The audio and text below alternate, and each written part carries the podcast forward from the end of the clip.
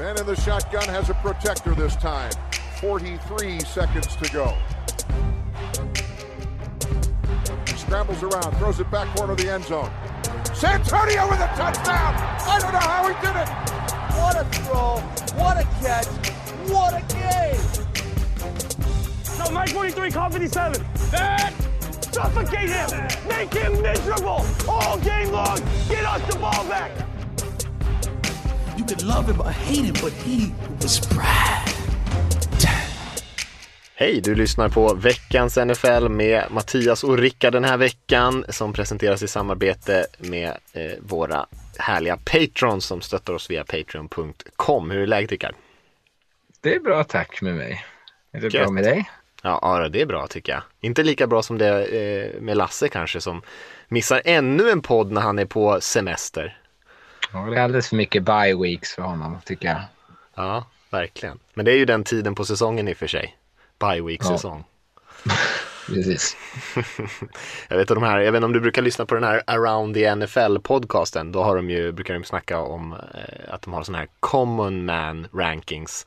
Som om man är en man av folket. Och nu är Lasse här med först en Köpenhamnssemester och nu är han i Paris. Han faller eh, handlöst på den här eh, fol folk folklighetsrankingen i podden. Ja. Nej, jag, jag lyssnar faktiskt inte på den. Så jag, men eh, jag, jag, jag gillar att han faller i alla fall. Vi får konfrontera honom nästa vecka när han är tillbaka. Eh, vi ska försöka hålla skeppet flytande ändå här. Eh, vi har haft en eh, ganska knäpp vecka i NFL får man säga och eh, det ska vi snacka lite om. Vi hade ju ett par riktiga upsets när Jaguars slog Bills bland annat och Broncos slog Cowboys. Eh, och eh, det har varit en sån säsong känns det som där det har kunnat hända lite vad som helst. Det har varit väldigt mycket vecka för vecka. Eh, man vet inte riktigt vad man ska tro på. Så vi ska prata om lite saker som vi tror att man kan tro på idag i alla fall. Eh, som vi tror att vi tror på i alla fall. Vi får se hur det går Rickard. Jag kände mig förvirrad bara när du försökte presentera det. kan vara så att nästa vecka så, så tror vi inte på de sakerna vi säger idag. Men det, Nej, det märker vi. Ja.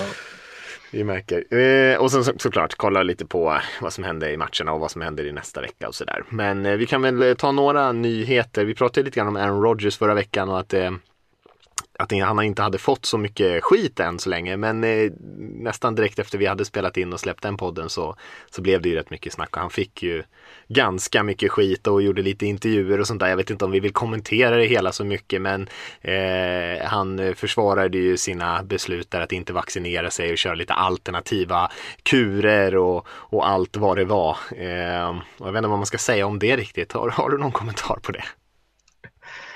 Eh, Eh, nej, det, det är mest lustigt. Det var, det var någon på redaktionen här som tyckte att det är intressant att liksom, en- eh, han har ju tillgång till alla världens läkare om han vill. Det finns hur mycket forskning på det här som helst. Eh, och sen så liksom vänder han sig till eh, Joe Rogan för att liksom få tips om hur han ska skydda sig, vilket jag tycker är eh, väldigt, väldigt lustigt. Sen fine om man är, inte tycker att man behöver ta vaccinet, men eh, någonstans borde man ju då kanske ha någon mer pålitlig källa att, liksom, att lyssna på. Det kan man ju tycka. Ja, han sa ju att han hade pratat, i den här intervjun med McAfee sa han att han hade pratat ganska mycket med NFLs läkare och såna här grejer och det visade sig kanske att han hade han inte riktigt gjort, i alla fall inte på det sätt som han Nej. uttryckte det. Så att han verkar ju ha lite, lite problem att hålla sig till sanningen här Rogers, både inför säsongen och nu och, och eh, ja, han har fått eh, ganska mycket välförtjänt skit för det. Vi får väl Ja. se. Jag, jag trodde ju inte att de skulle våga stänga av honom och än så länge har vi inte hört någonting om det. Och jag tror fortfarande att det är ganska osannolikt. Men det kan ju möjligtvis komma en, en stor böter eller något sånt där. Eh, för att det börjar ändå rulla upp lite grejer. Att han har varit kanske lite mer eh, nonchalant än vad, vad som är rimligt. Ja, men det har ändå verkat som att Packers, att han har varit ärlig med organisationen och de har vetat om det. Så då, då blir det ju troligtvis de som får ta straffet och då är det väl bara någon sorts böter. För att han, han som enskild spelare måste, kan inte hållas ansvarig för eh, liksom presskonferenser. Det måste ju på något sätt laget vara, liksom, ha, liksom kontrollera. Tänker jag. Mm. Eller jag vet inte, men jag tänker det. Det känns ju orättvist liksom, om han ändå är så här, ja men jag tänker inte vaxa mig bara så att ni vet. Och sen så skickar de ändå ut honom på presskonferenser utan munskydd. Det måste ju laget på något sätt stå för. Mm, ja, kanske. Kanske. Eh, vi får väl se lite grann vad som händer. Jag har inte full koll på hur mycket han har eh, fuskat med reglerna och sådana här grejer. Men eh, vi får väl följa den storyn. Det blev, det blev ganska mycket rabalder. Folk blev väldigt upprörda och sådär. Eh, det är väl lögnen som är eh, och att det här kanske att han mm. inte har gjort det han skulle som är kanske det som är, upprör mig. Huruvida han liksom ja, vad han väljer att tro på och sånt där. Det är väl, ja, det får väl han stå för tänker jag. Eh, mm. Men eh, han ska ju inte ha någon specialbehandling och om det kommer fram att han har fått lite specialbehandling då blir det nog ganska sura miner kan jag tänka mig från en del andra spelare som kanske inte har fått den typen av behandling. Ja. Eh, Odell Beckham Jr snackar vi också om lite. Han har ju gjort sig lite omöjlig i Browns och blev ju släppt där nu och eh, just när vi spelar in här så är det ju är han ju ute på waivers som det heter där lagen har möjlighet att eh, claima honom och då tar de ju på, på hans lön också. Så vi får väl se, det är ju inte jättemånga lag som har tillräckligt med löneutrymme för att ta, ta sig an honom. Eh, men eh, det är ändå lite snack och någon kommer ju plocka upp honom så småningom. Frågan är om det blir nu eller när han blir, eh, kommer igenom där och blir free agent och kan liksom välja själv var han hamnar. Och han har ju snackat lite, eller i alla fall hans agenter har snackat lite om att Packers är ett lag han är sugen på. Vad, vad tror du där för möjliga destinationer för Odell? Ja, alltså först det här med, med wavern så är det de lag som har utrymme har han varit ganska tydlig med att han inte kommer gå till. För han har sagt att han tänker inte gå till ett sopigt lag, eller han vill gå till en contender. Så kommer Jaguars eller Texans claima honom så kommer han ju bara inte dyka upp. Eh, mm. Troligtvis. Eller det kommer ju bli samma standstill som det var med Browns. Liksom. Mm. Eh, ja, men absolut. Ja, det tror jag. Packers. Jag vet inte om det pratades om, om ditt Seattle. Eh, jag ja. såg någon rapport om att han tydligen hade sagt att han kan tänka sig Raiders och så skrattade jag åt att han skulle gå liksom från, från Browns till Raiders för att han tyckte att han skulle komma till en mer vinnande organisation. Inte en dysfunktionell organisation alls. Precis, han har missat liksom de senaste 20 åren av klubbhistorien. Eh, nej, men något, eh, jag vet inte om han vill vara kvar i AFC eller om han eh, vore ju kul om han skulle vara det bara för att liksom bråka. Eh, men jag vet inte var han skulle hamna då eller Bills eventuellt. Jag vet inte hur det ser ut i deras eh, eh, lönemöjligheter. Nej. Nej, det är inte, inte alla lag som har möjlighet. Men jag tänker att Seahawks också, de dyker alltid upp på sådana här stories. Och det mm. blir sällan någonting av det. Men eh, man ska väl inte helt utesluta det. De har i alla fall pengar. Och eh, Carroll där var ju inte alls omöjligt när han fick frågan om de var intresserade så hade de i alla fall gjort ett mm. jobb på det. Så vi får väl se var han hamnar. Kanske är det redan klart till och med när vi när den här podden kommer ut. Så ja. vi behöver inte stanna med den så länge. Men apropå Raiders så kan vi också nämna att eh, eh hade ju eh, Ruggs-historien förra veckan och eh, nu kom det ut en video Eh, Eh, här med Damon Arnett som är en cornerback som de draftade i första rundan i samma år som de draftade Ruggs och där han viftade med lite vapen och uttalade lite hot och var lite allmänt urflippad kanske man ska säga och han blev ju släppt av Raiders eh, ganska strax efter det kom ut och eh, ja, jag vet inte vad man ska säga om det riktigt. Han har ju varit lite av ett huvudverk för dem ända sedan de plockade honom egentligen. Eh, men eh, vad man kan säga om det är ju att för det första så har de, får de ingen utdelning från den där draftklassen 2020. Ruggs är ju eh, lite mer kanske olyckligt än dåliga, ett dåligt draftval. För det här var ju inget, ingen karaktärsbrist. Eller det var det ju förstås, men det var inget som man kunde se liksom på förhand. Men det är lite roligt när man liksom lyssnar på ekot av Mike May och John Grudens presskonferenser efter alla de här draftvalen, att de försöker hitta spelare med som älskar fotboll, som har the right character, liksom bra killar. Eh, och så står Arnett och, och viftar med liksom ett automatvapen. Och det kommer ut rapporter om att han hade krockat med fyra stycken hyrbilar inom loppet av en månad förra året. Han, mm. grejer, så han, eh, han hade nog inte all... Eh, han hade nog inte alla, alla käppar i, i stolen. I julen. Säger man. Alla hästar i stallet. Ja, Just det. Så. Mm. jag vet inte om man säger så för sig. uh, ja, nej, det verkar inte som. Och Mayock var ute och sa att de hade gjort ett uh, jättejobb på honom inför draften tydligen. Och mm. han uh, tog på sig ansvaret för att de inte hade lyckats liksom, fiska upp att han hade den här typen av tveksamma personlighetsdrag kanske man kan uttrycka det som.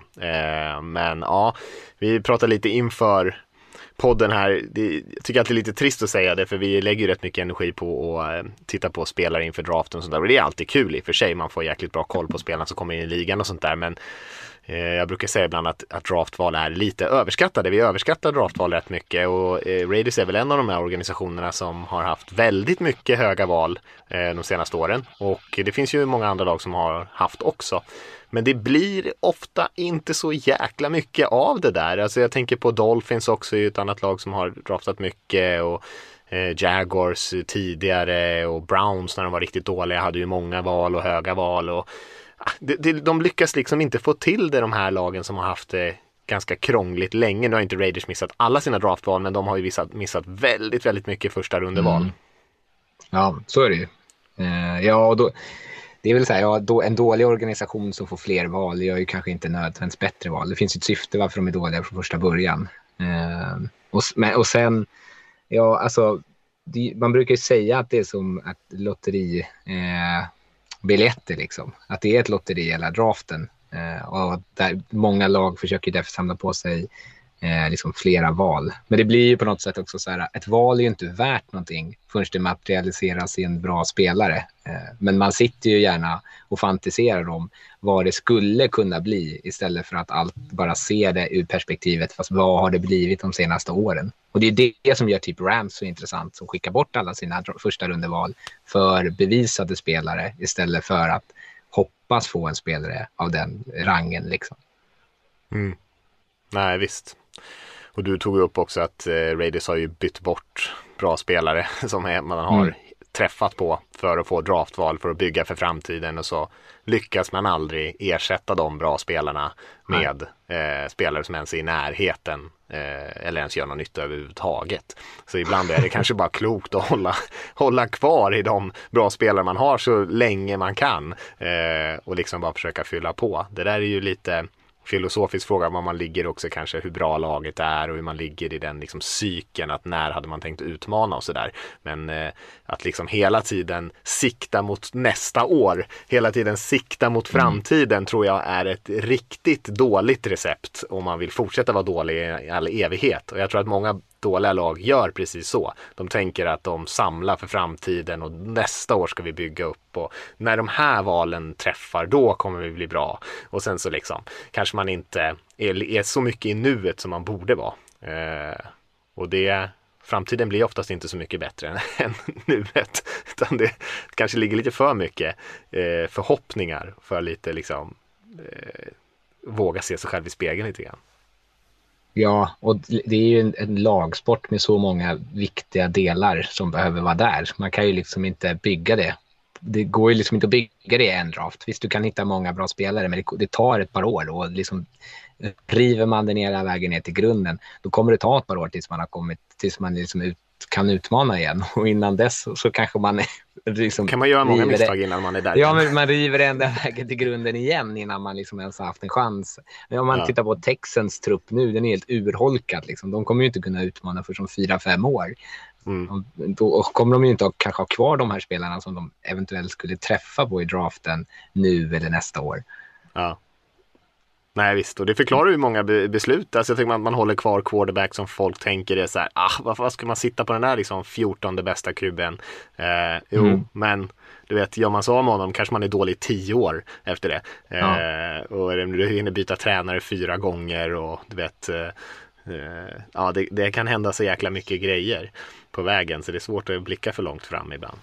Ska vi mm. kika lite på resultaten då från veckan? Vi sa ju att vi behöver inte gå in ner i varje match direkt, men vi kan väl nämna de som var lite mer uppseendeväckande och att Broncos eh, stängde ner cowboys totalt. De gjorde ju inga poäng eh, mot Broncos förrän i fjärde kvarten och det var ju med Dak Prescott tillbaka dessutom precis efter de hade spelat en jättebra match veckan innan med Cooper Rush och sett liksom imponerande ut. Så, och Broncos som har spelat ganska dåligt. Eh, Dallas hade sex raka vinster innan, den här matchen och de totalt eh, utklassade Dallas i den här matchen. Det var ju väldigt, väldigt förvånande tyckte jag.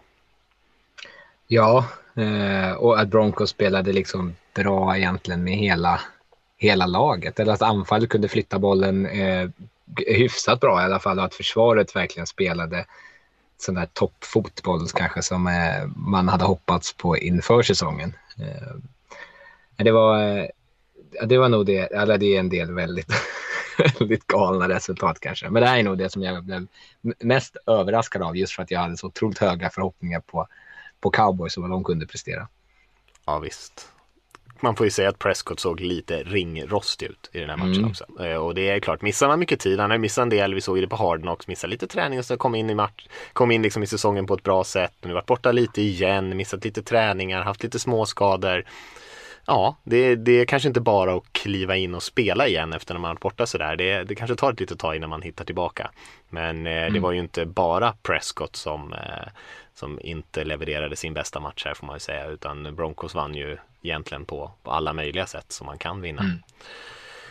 Eh, vad har vi mer för intressant? Ja, den andra stora chocken var väl Bills Jaguars matchen som ja. slutade 9-6 till Jaguars. Inga touchdowns i den matchen utan vi har fem field goals. Eh, ja, och det var väl egentligen, storyn här är ju Ja, det var inte så förvånande att Bills försvar stängde ner Jaguars anfall hyfsat, men däremot att Jaguars försvar kunde stänga ner det här Bills-laget på det här sättet som man gjorde är extremt eh, förvånande. Ja, eh, jag har inte sett matchen faktiskt. Eh, just för att, först var jag överraskad så tänkte jag om det inte är en enda Du menar att du inte går tillbaka och tittar på en 9-6 match eh, några timmar? ja, jag visste, det är förskräckligt. Eh, men eh, vad det verkar i alla fall och vad det lät som under diskussionerna i våran slack under matchchatten så eh, kunde ju Bills liksom inte springa bollen överhuvudtaget heller. Eh, och jag vet inte om passanfallet var lika var så här superkast eh, heller. Men eh, de har ju tidigare under säsongen varit ganska balanserade. Eller att mer än vad de var. För, alltså I fjol så fick de lite skit för att de inte sprang bollen tillräckligt mycket eller tillräckligt bra. Och det har ju sett bättre ut tidigare i år. Eh, och det här åtminstone om man eh, då tolkar liksom misslyckande springförsök, att, det kanske, eh, att de kanske återgick till det som man, de fick så mycket kritik för förra året. Mm.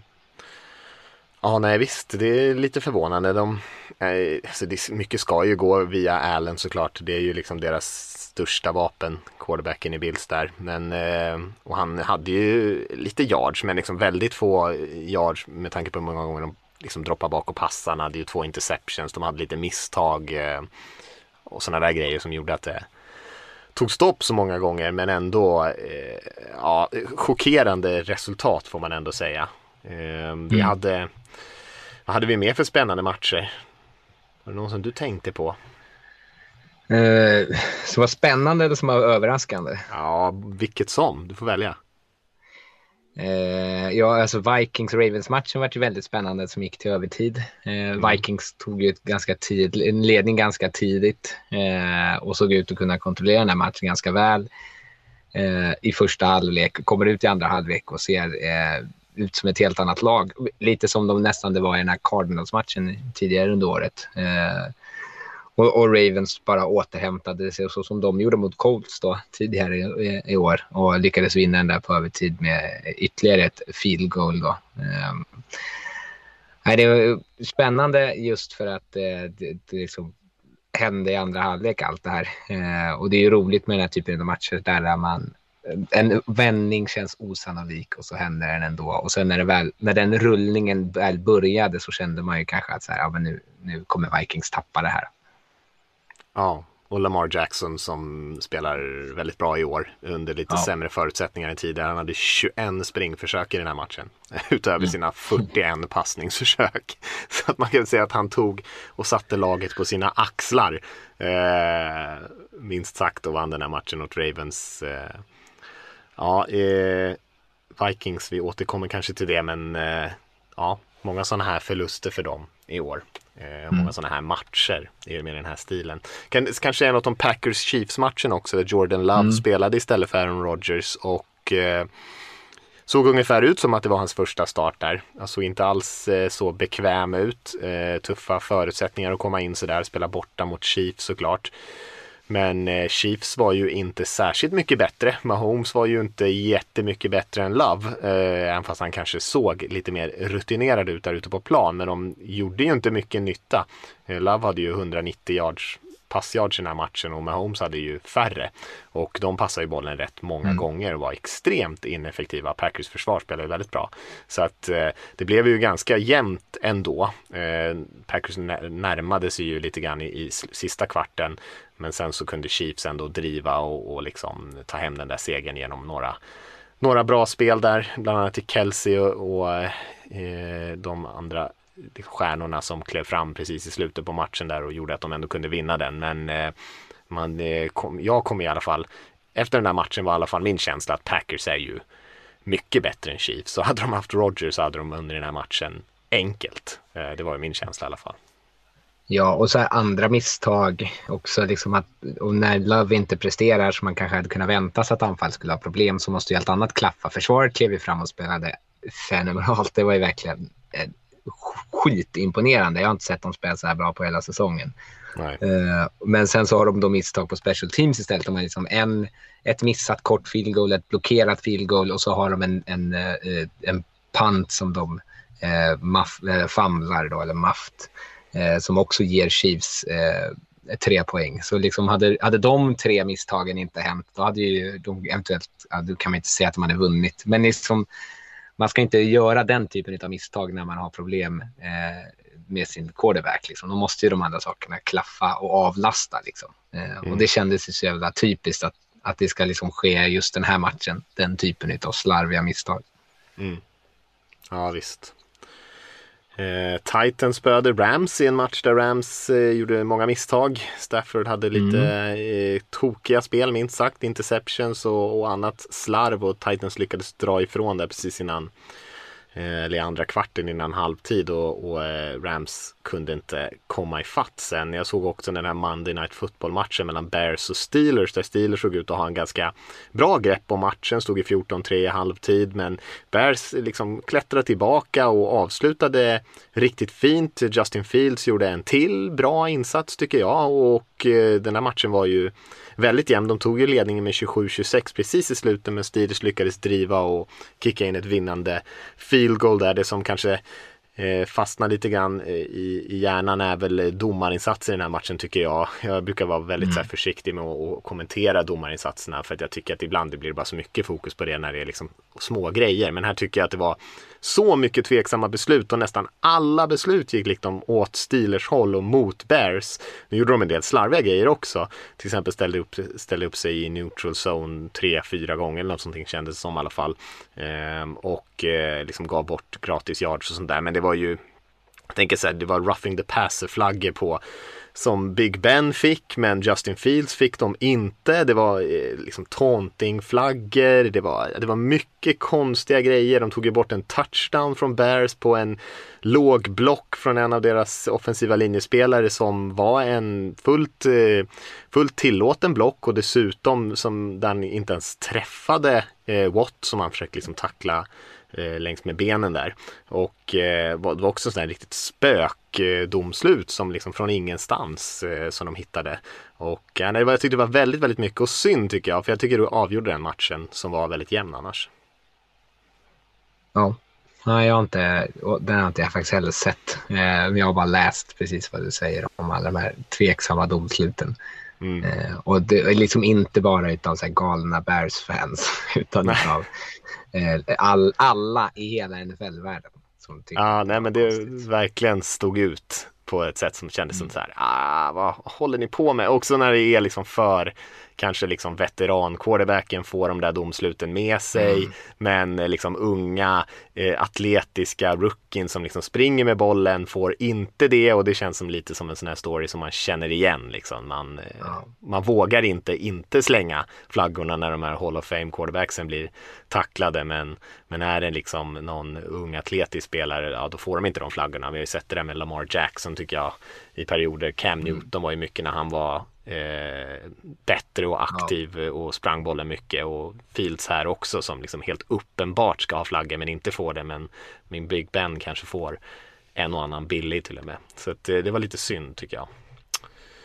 Eh, ska vi hoppa vidare och köra lite av vårt lilla inslag här om saker som Ja. man kan lita på och inte lita på. Och det känns ju som att det här NFL, det är ju lite sådär, allt kan verkligen hända i den, eh, i vår, i vår liga. Och det är ju eh, kul, det är det som gör det roligt, alltså att det sämsta laget liksom kan slå det bästa laget liksom på en vanlig vecka och man kan vända stora underlägen. Jag tänker Mike White som kom in från ingenstans och spelade bra för Jets och vann en match. Och jag tänker mig också den här veckan när man har två lag som vi kanske trodde var kanske mest beroende av någon enskild spelare i Cardinals och Titans som saknade Kyler Murray och, och Derrick Henry som är borta för Titans. Så helt plötsligt så levererar de och vinner ändå utan de spelarna. Och man tänker, jaha, ja men de var inte så viktiga. Ja, då visste vi väl kanske inte så jäkla mycket ändå.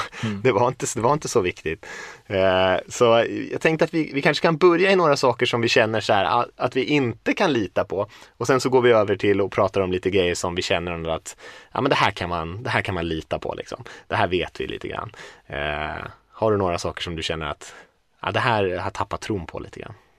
Ja, men eftersom att du ändå är inne och petar i det här med, med, Tit- eller med eh, Kylie Murray och Cardinals vinst där då mot 49ers så är ju någon, någon jag inte kan lita på, tyvärr. Och det smärtar ju att säga. Eh, det är ju Kyle Shanahan, tränaren i 49ers, som jag alltid liksom har hyllat och tyckte han liksom är en av de bästa tränarna. Eh, men det, att bli sådär utcoachad, för det är egentligen det de blir. Eh, de ska vinna den här matchen och det ser ut som att de liksom är helt vilse. Eh, och liksom hur det har egentligen sett ut under stora delar av den här säsongen eh, och hans, liksom, om man kollar hans coaching eh, record så är det också förskräckligt egentligen. Med, ja, förskräckligt. Men jag har sett till liksom, de förväntningarna som han har och hur det pratas om honom som en av de bästa tränarna i ligan. Liksom. Och han är ju långt ifrån det om man tittar liksom på resultatmässigt. Eh, och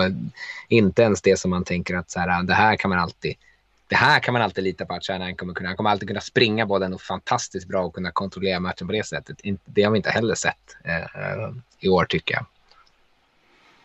Nej, nej, jag håller med. Och eh, alla de här superbegåvade offensiva coacherna kanske inte är så jäkla bra huvudtränare. Eh, och det är kanske Mm. där vi börjar närma oss någonstans med Shanahan eftersom de ändå inte lyckas prestera som en helhet. Anfallet har ju spelat relativt bra sedan han tog över som helhet får man ändå säga. Och eh, även med liksom lite sämre förutsättningar så har de ändå spelat ganska bra med liksom backup quarterbacks och sånt där. Men eh, nu när man känner att de ska vara i läge och liksom kunna verkligen spela bra så, så gör de inte det. Och det, Nej. det är ju lite underligt. Eh, Jag tänkte faktiskt på någonting som jag säkert kommer få äta upp, men eh, jag tänkte på Bills, Bills anfall. Eh, Som ändå, de, de gör ju nästan 30 poäng på match den här säsongen, eh, Bills. Och, eh, eh, och har ju gjort några väldigt, väldigt imponerande matcher och jag tror på Bills som, som ett lag. Men de är också liksom eh, plus 11 i turnovers. De har mött väldigt svaga försvar nästan hela det här året. De har haft ganska mycket problem med både Dolphins och nu Jaguars på senaste tiden i alla fall. De spöar ju Dolphins stort första matchen. Eh, och liksom flytta bollen och få igång ett, liksom ett, ett spel som känns lite synkat liksom med en bra balans mellan spring och pass och sånt där. Om man kollar på den här eh, DVOA som Football Outsiders eh, för liksom deras egna sätt att mäta liksom effektivitet. Då är deras anfall rankat som det 19 bästa anfallet i NFL i år. Eh, och jag vet inte om de liksom har, de har i alla fall inte synkat eller hittat liksom sin rytm riktigt än. Eh, de har spöat några sämre lag riktigt hårt. Men de har också haft ganska svårt mot ett gäng sämre lag. Och sen mycket av poängen, det kanske hänger också på att dels motståndet men också för att liksom försvaret har ändå spelat väldigt, väldigt bra och, och gett dem bra förutsättningar. Eh, men de har verkligen inte levt upp till den potential man känner att de har ändå och vad det nu kan bero på. Men, eh, ja, men lite hänger det säkert ihop med springspelet, kanske lite svagare spel på offensiva linjen, kanske inte riktigt satt de där bomberna som man är van att se. Eh, nej, jag känner inte att det går att lita på dem att de ska leverera varje vecka.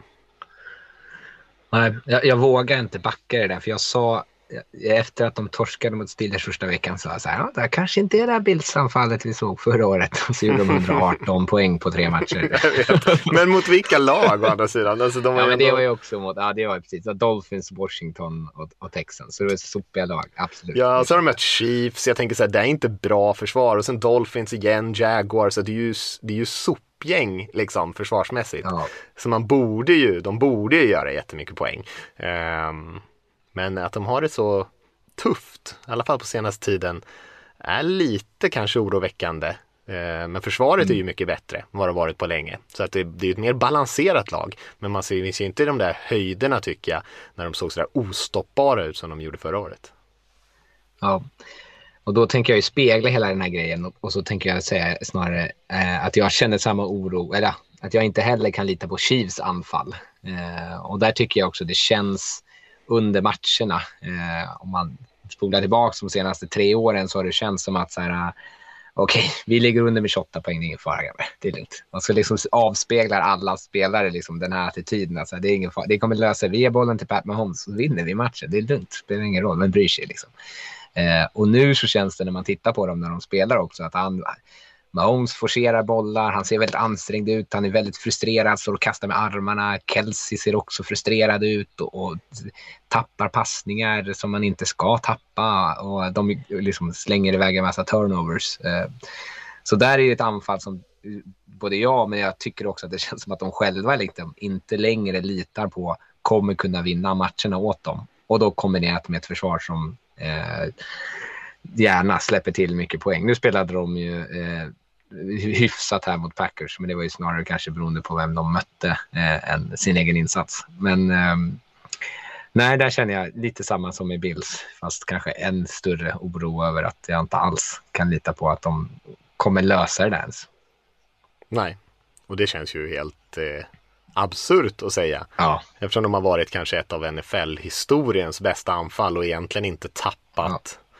Alltså de har ju bytt ut i stort sett hela sin offensiva linje, vilket i och för sig är en ganska stor grej. Ja. Men, eh, men annars har de ju kvar liksom sina, sin, framförallt sin trio och sin coach, liksom, sin Ja. offensiva skillspelartrio och sin, sin tränare som också är en fantastisk offensiv coach. Så det, det känns som att de borde kunna lösa det, men de gör det inte.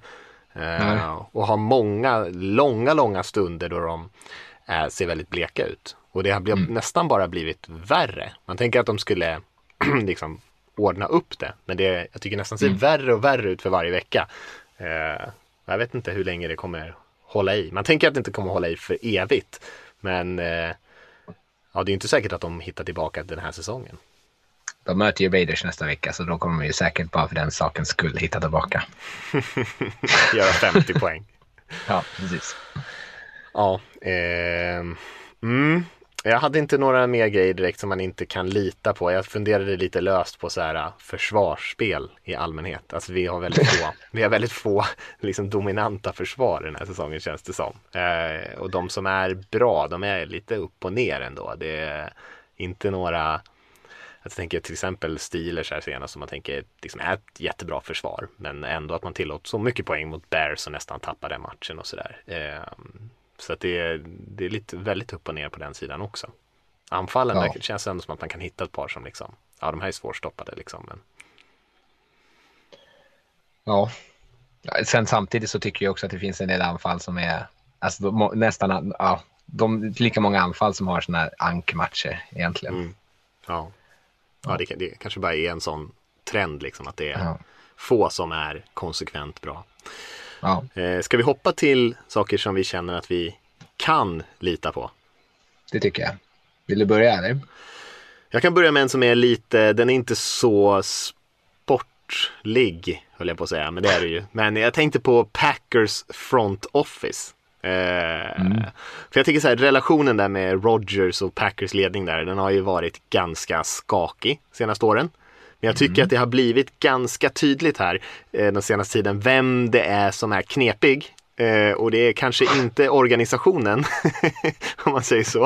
Eh, utan Rodgers verkar ju vara eh, tjockskallig och ganska svår att ha att göra med eh, ärligt talat. Och det var ju lite sånt snack tidigare också med hela hans familj och all den här grejen. Och det betyder inte att han är någon dålig människa eller absolut inte att han är en dålig spelare. Han är ju en fantastisk spelare.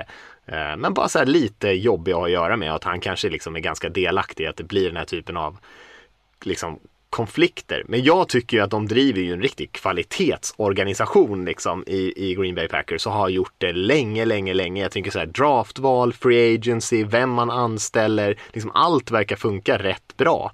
Man har liksom gått eh, på quarterback-sidan pratar man ju ofta att man gått liksom från Favre till Rogers. men man har också liksom på sportchefssidan gått liksom från Ron Wolf till Ted Thompson till Brian Gutekunst och det känns som bara det, liksom de levererar en bra trupp, Eh, hittar nya bra unga spelare, värvar bra och liksom gör det mesta bra. Och det är väl det också som gör att man har lite svårt ibland att köpa Rogers liksom kritik där eftersom många av besluten som organisationen tar blir ju faktiskt väldigt bra. Eh, jämfört med andra organisationer så är de ju absoluta toppen kanske av att bygga liksom bra förutsättningar eh, runt sina spelare och sina stjärnor.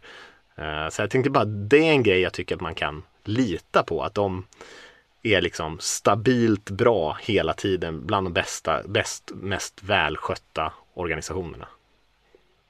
Ja, det är bara att instämma. Och det här med, med Rogers som har synpunkter på att han inte får till mycket hjälp så sitter ju organisationen eller beslutsfattarna och säger så här, fast vi har liksom ett topp fem anfall. Vi behöver inte en till wide receiver för att göra det lättare för dig, för du löser det ändå.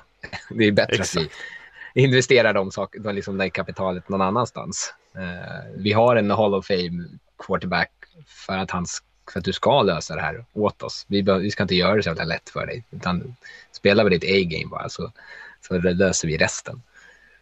Ja, och försvaret som vi såg senast, de, de, de är ju bra där. Och det är ju mycket på grund av investeringar mm. man faktiskt har gjort. Man har draftat mycket cornerbacks, man har liksom ja. eh, lagt mycket pengar i free agency på pass rushers. Det är ingen slump liksom. Och det mesta har träffat, skulle jag ändå säga. Sen har man missat lite på sina receiverval och sånt där, de få man har gjort. Eh, och kanske inte riktigt lyckats lika bra där. Tappat ganska mycket offensiva linjespelare i free agency och sånt där. Men, eh, men det är ju fortfarande ett kvalitetslag på båda sidor av bollen. Så det, det, är, ja, det är inte mycket att gnälla över just i, i liksom hur de sköter den organisationen, hur, bygger, hur de bygger laget tycker jag. Nej, jag håller med. Uh, jag, jag, tänker också ta en sån här gammal eh, uh, klassiker.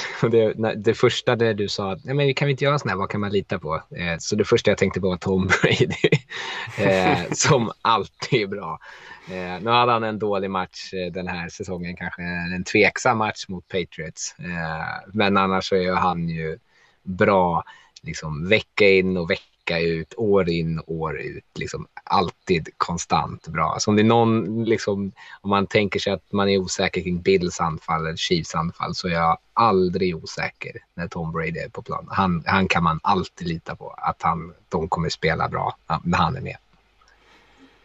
Därför de känns läskiga också. Som en mm. liksom, Super Bowl-utmanare skulle man göra en sån, liksom, jag vet att om man går till Vegas-oddsen så är ju eh, Buccaneers att de ska upprepa det är liksom ja. det, det, vad ska man säga, det lägst odds, högst tippat ja. liksom. Eh, och det förstår man ju fullt eftersom de har ja, behållit alla spelare egentligen och är ganska bra på båda sidor av bollen. Mm. Ja, det är mycket bra till och med på anfallet. Kanske ja. Eh, jag tänkte på eh, en, en, ganska specifik grej till här. Det är Titans i sådana här toppmatcher jag la ut en eh, tweet här om vilka lag de har spöat i år. Alltså de verkar ju vara lite kryptonit för de andra topplagen. Mm. De torskar ju mot Jets där, lite uppmärksammat. Men de har ändå spöat, först började de med Seahawks när de hade Wilson, sen har de spöat Colts två gånger som är, verkar liksom ha ett bra lag. De har spöat Chiefs, de har spöat Bills och nu spöar de Rams. Alltså de har ju spöat alla lag som liksom inför säsongen var topptippade. Eh, och nu dessutom senast utan Derrick Henry då, och då spelar ju försvaret jättebra. Eh, och eh, även fast man kanske vill få ut lite, lite mer ur Tannehill och gänget så han spelar ju bra senast och A.J. Brown gör ju en bra säsong. Eh, det känns bara som att de när det blir de här matcherna mot de andra topplagen då kommer de verkligen taggade till tänderna och, eh, och vinner många av dem där också. Mm. Frågan är när man börjar se dem som favoriter inför sådana här stormöten. För det känns som att Alltid jag, alla och jag, ja, men tänker så här, nej men de är inte så bra. Liksom, de är inte 7-2, de är inte ett av de bästa lagen i ligan. Och det, och jag, det jag tycker fortfarande inte att de är det, fastän de, om det är någon som har bevisat sig de senaste veckorna så är det ju de.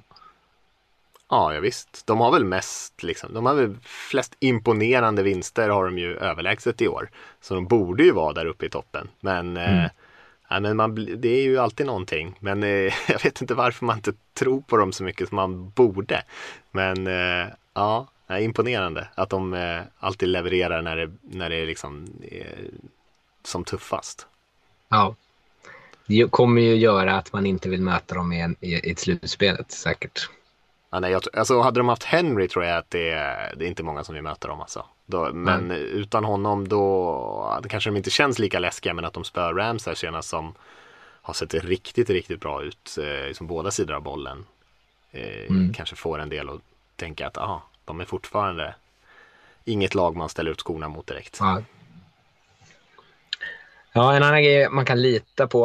Eh, du, du sa ju det här att det är vem som helst kan vinna och det är väl att man kan lita på att det alltid är jämnt. Och det ser man ju i eh, antalet övertidsmatcher som det har varit i år. Det har varit 13 stycken övertidsmatcher redan. Det har varit en i varje vecka minst, förutom vecka sju. Eh, och det är liksom... Sen, dels så säger det att det är jämnt, men så är det också en del eh, usual suspects som är med där. Ravens, Titans och Vikings har alla tre stycken övertidsmatcher redan. eh, vilket kanske, man får man väl se ifall det är liksom, mot slutet av säsongen kommer liksom ha någon inverkan att de har nästan spelat en match eh, fler än resten av ligan. Eh, men eh, det, jag tycker att det är, är verkligen remarkabelt att det är så mycket övertidsmatcher. Eh, och, det, och, så, och då kan det ju liksom vara både i såna här svinjämna matcher på förhand eh, och så kan det vara i matcher som typ Titans Jets då, eh, som går till övertid. Jag tror också att det är 37 matcher hittills i år där man har gjort ett matchvinnande poäng inom, under de sista två minuterna av matchen och vänt matchen och vunnit. Eh, och så många har det aldrig varit förut på, på nio veckor. Eh, så det är mycket jämna matcher overall, mycket Ja. övertidsmatcher, mycket lag som vänder i fjärde kvarten eh, mer, än, mer än någonsin tidigare. Och eh, jag kan hoppa på det där tåget lite grann också för jag tänkte ju säga någonting om Vikings. Att man liksom kan räkna med att de kommer spela jämna matcher. Du sa ju en av de tre där som har spelat tre övertidsmatcher på bara sina åtta då. Men de har ju eh, spelat jämnt i de andra matcherna också. De har ju, och kanske sjuka är att de har spelat lika jämnt med Lions och Panthers som de har spelat med Cardinals och Ravens. De spelar liksom jämnt även med de sämsta lagen. De spelar de jämnt med liksom ligans bästa lag. Eh, Cardinals som ser liksom extremt bra ut. Eh, och så är man ändå upp och pressar dem liksom. På, jag tror det blev 36-33. Var det också en övertidsmatch kanske mot, eh, mot Cardinals? Jämn var den i alla fall. Så att, eh, så det att Vikings lyckas hamna där hela tiden. Tyvärr förlorar de ju mer än vad de vinner av de där jämna. Eh, kanske lite synd för dem. Men eh, ja, ja, eh, riktiga nagelbitare på dem i år. Ja.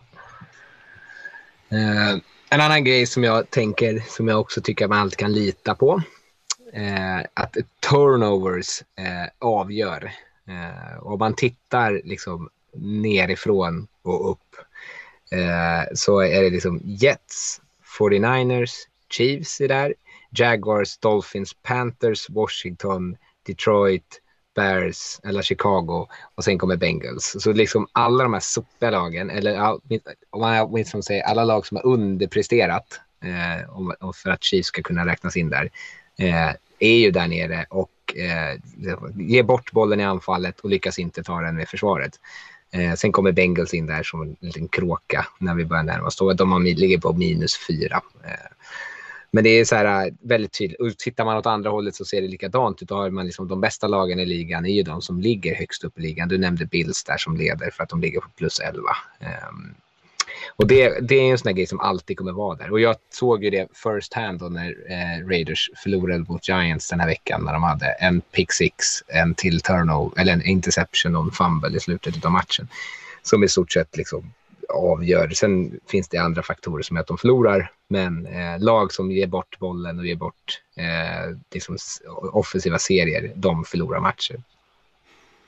Ja, och ibland brukar man ju säga att det är ganska mycket slump i det där. Alltså det kan ju vara Mm. det. Turnovers är ju ofta ganska mycket slump. Alltså det är ofta interception som liksom studsar på någons händer eller någon fumble. Fumbles är ju nästan uteslutande slump känns det som. Särskilt om de blir liksom lost fumbles eller inte. Det är ju 100% slump om liksom ens egen lagkamrat eller motståndare landar på den fria bollen. Det är ju inte någonting. Alltså, det, känns, det känns som något sånt där man, alla lag pratar om att de tränar på. Så här, liksom, eh, sådana här fumble drills liksom. Men eh, jag tror inte det gör någon större skillnad att de gör det. Jag tror att det, det är bara flyt. Om man får tillbaka den där, ibland studsar de bara rätt upp i famnen på den som tappar den och ibland så åt helt annat håll. Liksom. Det är ingen rund boll som vi spelar med. Så det, men ändå hittar man de där sämre lagen där och det är mycket beror ju kanske på att man har, inte har en, en vettig quarterback helt enkelt. Som Ja. gör massor av misstag och då blir det ju så. Men eh, Ja, det är intressant att vissa lag ändå lyckas vara där uppe så många år i rad.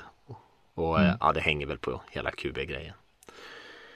Jag tänkte på en annan väldigt övergripande grej eh, som vi redan har pratat om som vi inte behöver säga så mycket om. Jag tänker på så här, NFCs dominans kan man lita på. Eh, och det har ju varit så under lång tid känns det som att NFC har haft fler bra lag. Och vi var inne och tvivlade lite grann på det tidigare i år här när AFC, vi pratade om det med Lasse förra veckan, att det att det, ja, det, det, att det liksom, att vi bara var inne på det några veckor tidigare, att det finns många bra lag i AFC ändå, men sen så tycker jag ändå att det visar sig att nej, men det är inte så. NFC är den starkare konferensen även i år. Vi har liksom de som känns som liksom klockrena kvalitetslag som är stabila, bra på båda sidorna av bollen, som Cardinals, Bucks, Rams, Cowboys, eh, förutom nu kanske senaste matchen här nu, är ju eh, liksom de som står ut där. Det är klart det finns bra lag i AFC också, men det är ju inte alls samma topp och det är de lagen som är bäst i AFC just nu har ju problem de också. Jag tänker på Ravens, Titans bland annat eh, har ju har ju definitivt liksom utmaningar och man ser ju inte på dem på riktigt på samma sätt som de andra lagen. Nej, jag, jag ser ju i och för sig Ravens som ett väldigt starkt lag. Men jag håller Ja, de är med bra, att, men de är eh, bra, men jag ja. tänker de har ju uppenbara liksom svagheter. Det är ju inte liksom rimligt att eh, Lamar ska springa bollen 20 gånger Nej, nej, för att de ska kunna vinna. nej, det köper jag. Eh, nej, det håller jag med om. NFC är ju klart de absolut bästa lagen i NFC. Hmm, har du något mer? Nej, jag, jag gjorde en trea. Jag tänkte att det var, det var lagom. Ja, jag tyckte det var ganska lagom också. Ja, men det, det, känns som att det, det känns som att det är svårt att ha så jättemycket saker som... Eh, jag var nästan så att jag tänkte att jag skulle göra en sån här liten orm, du vet. Eh, så här, Jets spöde dem som spöde dem som spöde dem. Ja. Och sen så orkar jag inte det för det är alldeles för mycket jobb. Men eh, jag tänker att man kan, man kan tänka sig i huvudet hur den här liksom, eh, linjen av totalt ologiska resultat ändå har gått igenom känns som varje vecka. Att det är eh, alltid någonting som man bara, va? Hur hände det där jämfört med vad som hände liksom veckan innan? Eh, så det känns som en inte mer så här, vi kan alltid prata om det, att det är ovisst på det sättet att man inte vet vilka lag som kommer gå till slutspel. Men att man liksom inte vet ens om de bra lagen ens kommer komma liksom till spel knappt eh, den här veckan. Det känns ju ganska konstigt. Eh, få lag som, som spelar bra varje vecka. Ja, det är som sagt any given Sunday, men det också känns ju också som att det är liksom platt fall från ena veckan till den andra i, i för många lag. Alltså en extrem skillnad mellan Mm. nivåerna liksom. Eh, ska vi titta lite grann på veckan som kommer här? Det finns ändå en del eh, spännande matcher. Det är lite längre säsong nu med en extra match, men det känns ändå som att det, vi pratade ju, kollade lite grann på tabellen förra veckan. Det är jämnt fortfarande. Eh, par NFC-lag som har dragit ifrån lite grann, men i AFC är det extremt jämnt. Eh, har du någon match som du eh, ringar in som lite extra intressant? Om jag ska börja med de här sju matcherna eh, så eh, nu ska vi se vad jag... Nej, det var ingen... Ja, Stiles. Förlåt. Alltså, de låg i fel ordning. Eh, Saints, Saints Titans-matchen tycker jag är kul eh, och spännande. Det, vi, nu har vi pratat en del om Titans här. Eh, men Saints som nu eh, torskade och kanske inte svinkonstigt kanske då med, med Simien eh, mot Falcons. Eh, men kul, att, eller ska bli intressant att se vad de kan göra. Eh, vi pratade ju om dem när vi pratade om hur det är ställningen i divisionen. Att är försvaret tillräckligt bra för att kunna bära dem liksom vidare in i ett slutspel så kommer de inte vinna någon Super Bowl med den här truppen kanske, eller med den quarterbacken snarare. Eh, men nu möter de ett riktigt bra Titans. Eh, jag tycker att matchen känns spännande, eh, även fast jag tror, tycker att Titans är ganska tydliga favoriter. Men just det här som, eh, med Titans, att de, även om de har spänt musklerna här nu mot ett par bra lag så har de ju också samtidigt torskat mot Jets. Så de, de skulle mycket väl kunna spela en väldigt jämn match mot ett bra Saints-försvar. Ehm, men jag tycker främst att den är spännande för att se ifall Saints är, liksom, är det laget som förlorar mot Falcons eh, eller om de är liksom ett lag som ska liksom vara i ett slutspel och som liksom, ja, vann mot Bucks veckan innan. Då. Mm. Ja, Saints var väl ett, ett av de här försvaren som har spelat liksom rätt bra, konsekvent bra, men mm. eh, Matt Ryan och Falcons flyttade i bollen ganska lätt mm. på Saints senast. Ryan hade väl eh, ja, en av de eh, quarterbacks som hade den bästa veckan förra veckan här. Och jag tänker om Saints ska ha en chans så måste ju försvaret spela betydligt bättre än så. För det finns ju tuffare anfall att möta än Falcons anfall, även fast de har spelat bra i år får man säga. Arthur Smith som kom från just Titans har ju eh, gjort ett bra jobb med, med Falcons anfall där. Men eh, ja, de Saints måste ju de måste bära en mycket tyngre lass än även om de hade haft James liksom. Eh, ja. Simeon och, och, och gänget kommer inte kunna ösa in den typen av lika mycket poäng som ens Winston skulle kunna bidra med tror jag. Nej. Eh, ja, jag tycker den är spännande. Jag tror att Titans vinner den. Eh, borde vinna den relativt eh, bekvämt, men det är långt ifrån säkert, det håller jag med om. Jag tycker att en annan 19-match som känns lite kul är ju Browns mot Patriots. Patriots som vi har pratat om som lite av en besvikelse. Jag hade rätt höga förväntningar på dem, men de har ju ändå liksom vunnit rätt mycket matcher och de spelat en del tajta torskar dessutom mot bra lag. Så de är kanske precis så där bra som man tänkte sig att de skulle vara. De har ju ändå mm. en rookie som quarterback som spelar okej. Eh, när han inte rycker av folks eh, fötter, fotleder. Eh, men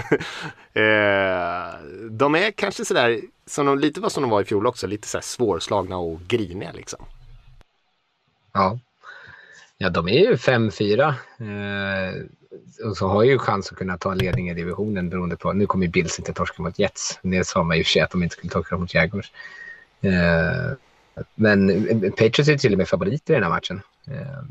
Och det känns ju som att man för tre veckor sedan inte hade tänkt. Eh, Brown såg ju bra nu, nu senast dessutom. Eh, nu är det ju om, om Nick Chubb och Dimitri Felton, men kanske framförallt Nick Chubb verkar ju vara eh, borta med covid. Jag vet inte om hon kommer komma till spel eller inte. Det känns ju ändå viktigt eh, för det anfallet. Men eh, jag tror att eh, Browns borde kunna vinna den här matchen. Men jag håller med om att Patriots är, precis som de var förra året och precis som de nästan alltid har varit, ett lag som liksom man, kan, man kan aldrig liksom räkna bort dem.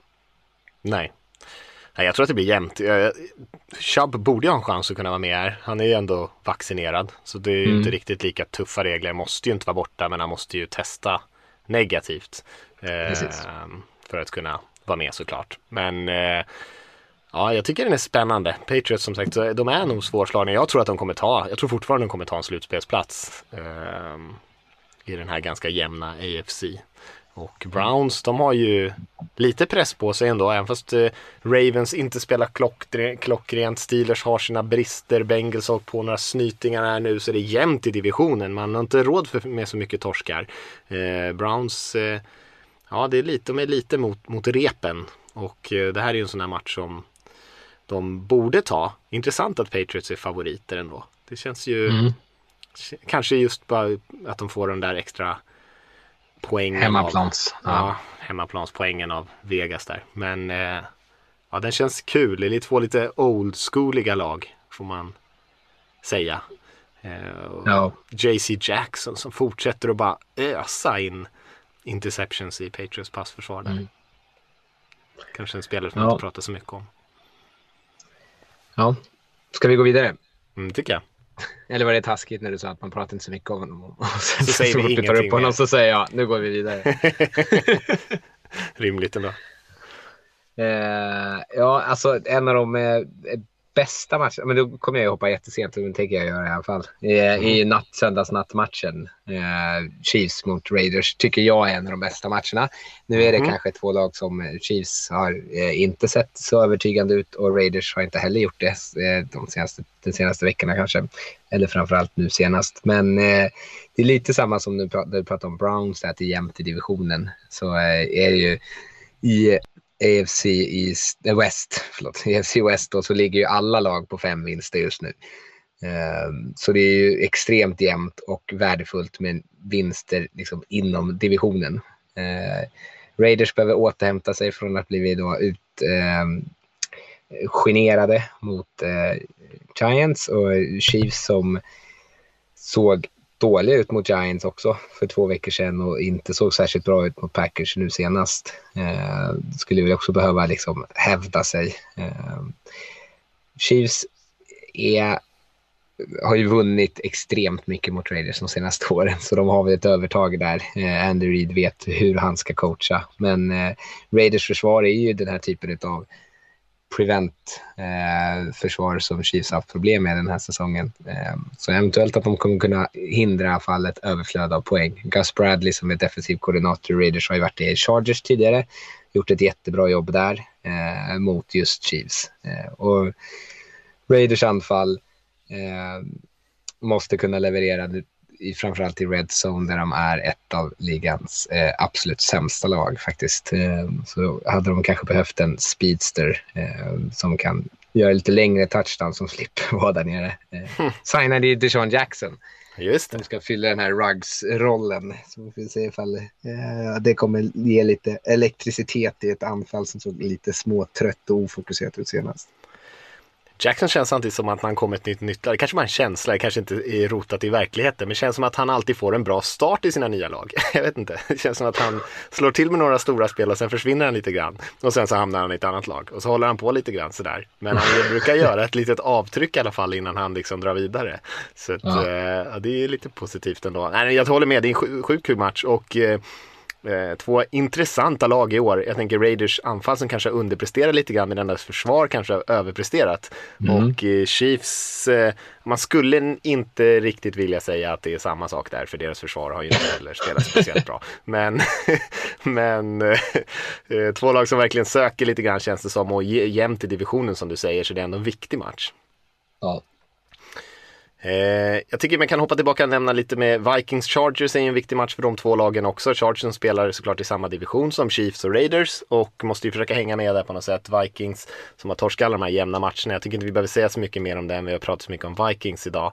Men vi har en 22-25 match också mellan Seahawks och Packers. Seahawks som har hamnat långt efter i NFC West och det är ju i stort sett eh, vinna nästan varje match eh, resten av säsongen om de ska lyckas ta sin slutspelsplats här. Men Wilson ska ju vara tillbaka från sin fingerskada. Har ju gått mycket, mycket fortare än vad man eh, hade vågat hoppas på.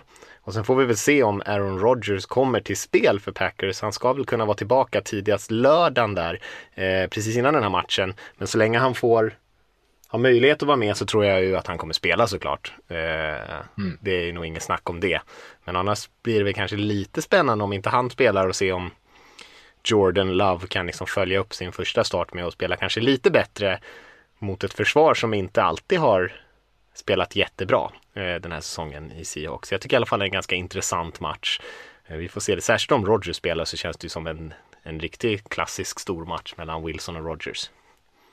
Ja, roligt att du säger just klassisk. För när man tänker på de här mötena som, nu är det väl kanske några år eh, som vi inte har sett det. Men det kändes som att det var hela tiden eh, så här, slutspelsmatcher mellan de två. Eller så här, avgörande matcher i slutet av säsongen om inte annat mellan de här två. Och alltid kontroversiella eh, spel eller domslut eller vad det nu än kan vara. Fail Eh, Marys och allt sånt där. Ja, men precis. Mm. Eh, så det, när man tittar på dem där det kommer upp en hel del liksom, gamla stories om vad som har hänt eh, de här två lagen emellan. Men eh, ja, är Wilson med så ser jag också verkligen eh, en utmanare.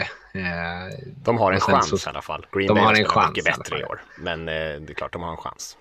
Ja, men alltså ja, han är ju hela laget. Eh, eh, och bara att han kommer tillbaka känns ju som att det också kan kanske få liksom någon typ av sån här boost eh, i liksom att så här, nu, nu har vi egentligen en, en möjlighet igen. Eh, och han är ju eh, unik.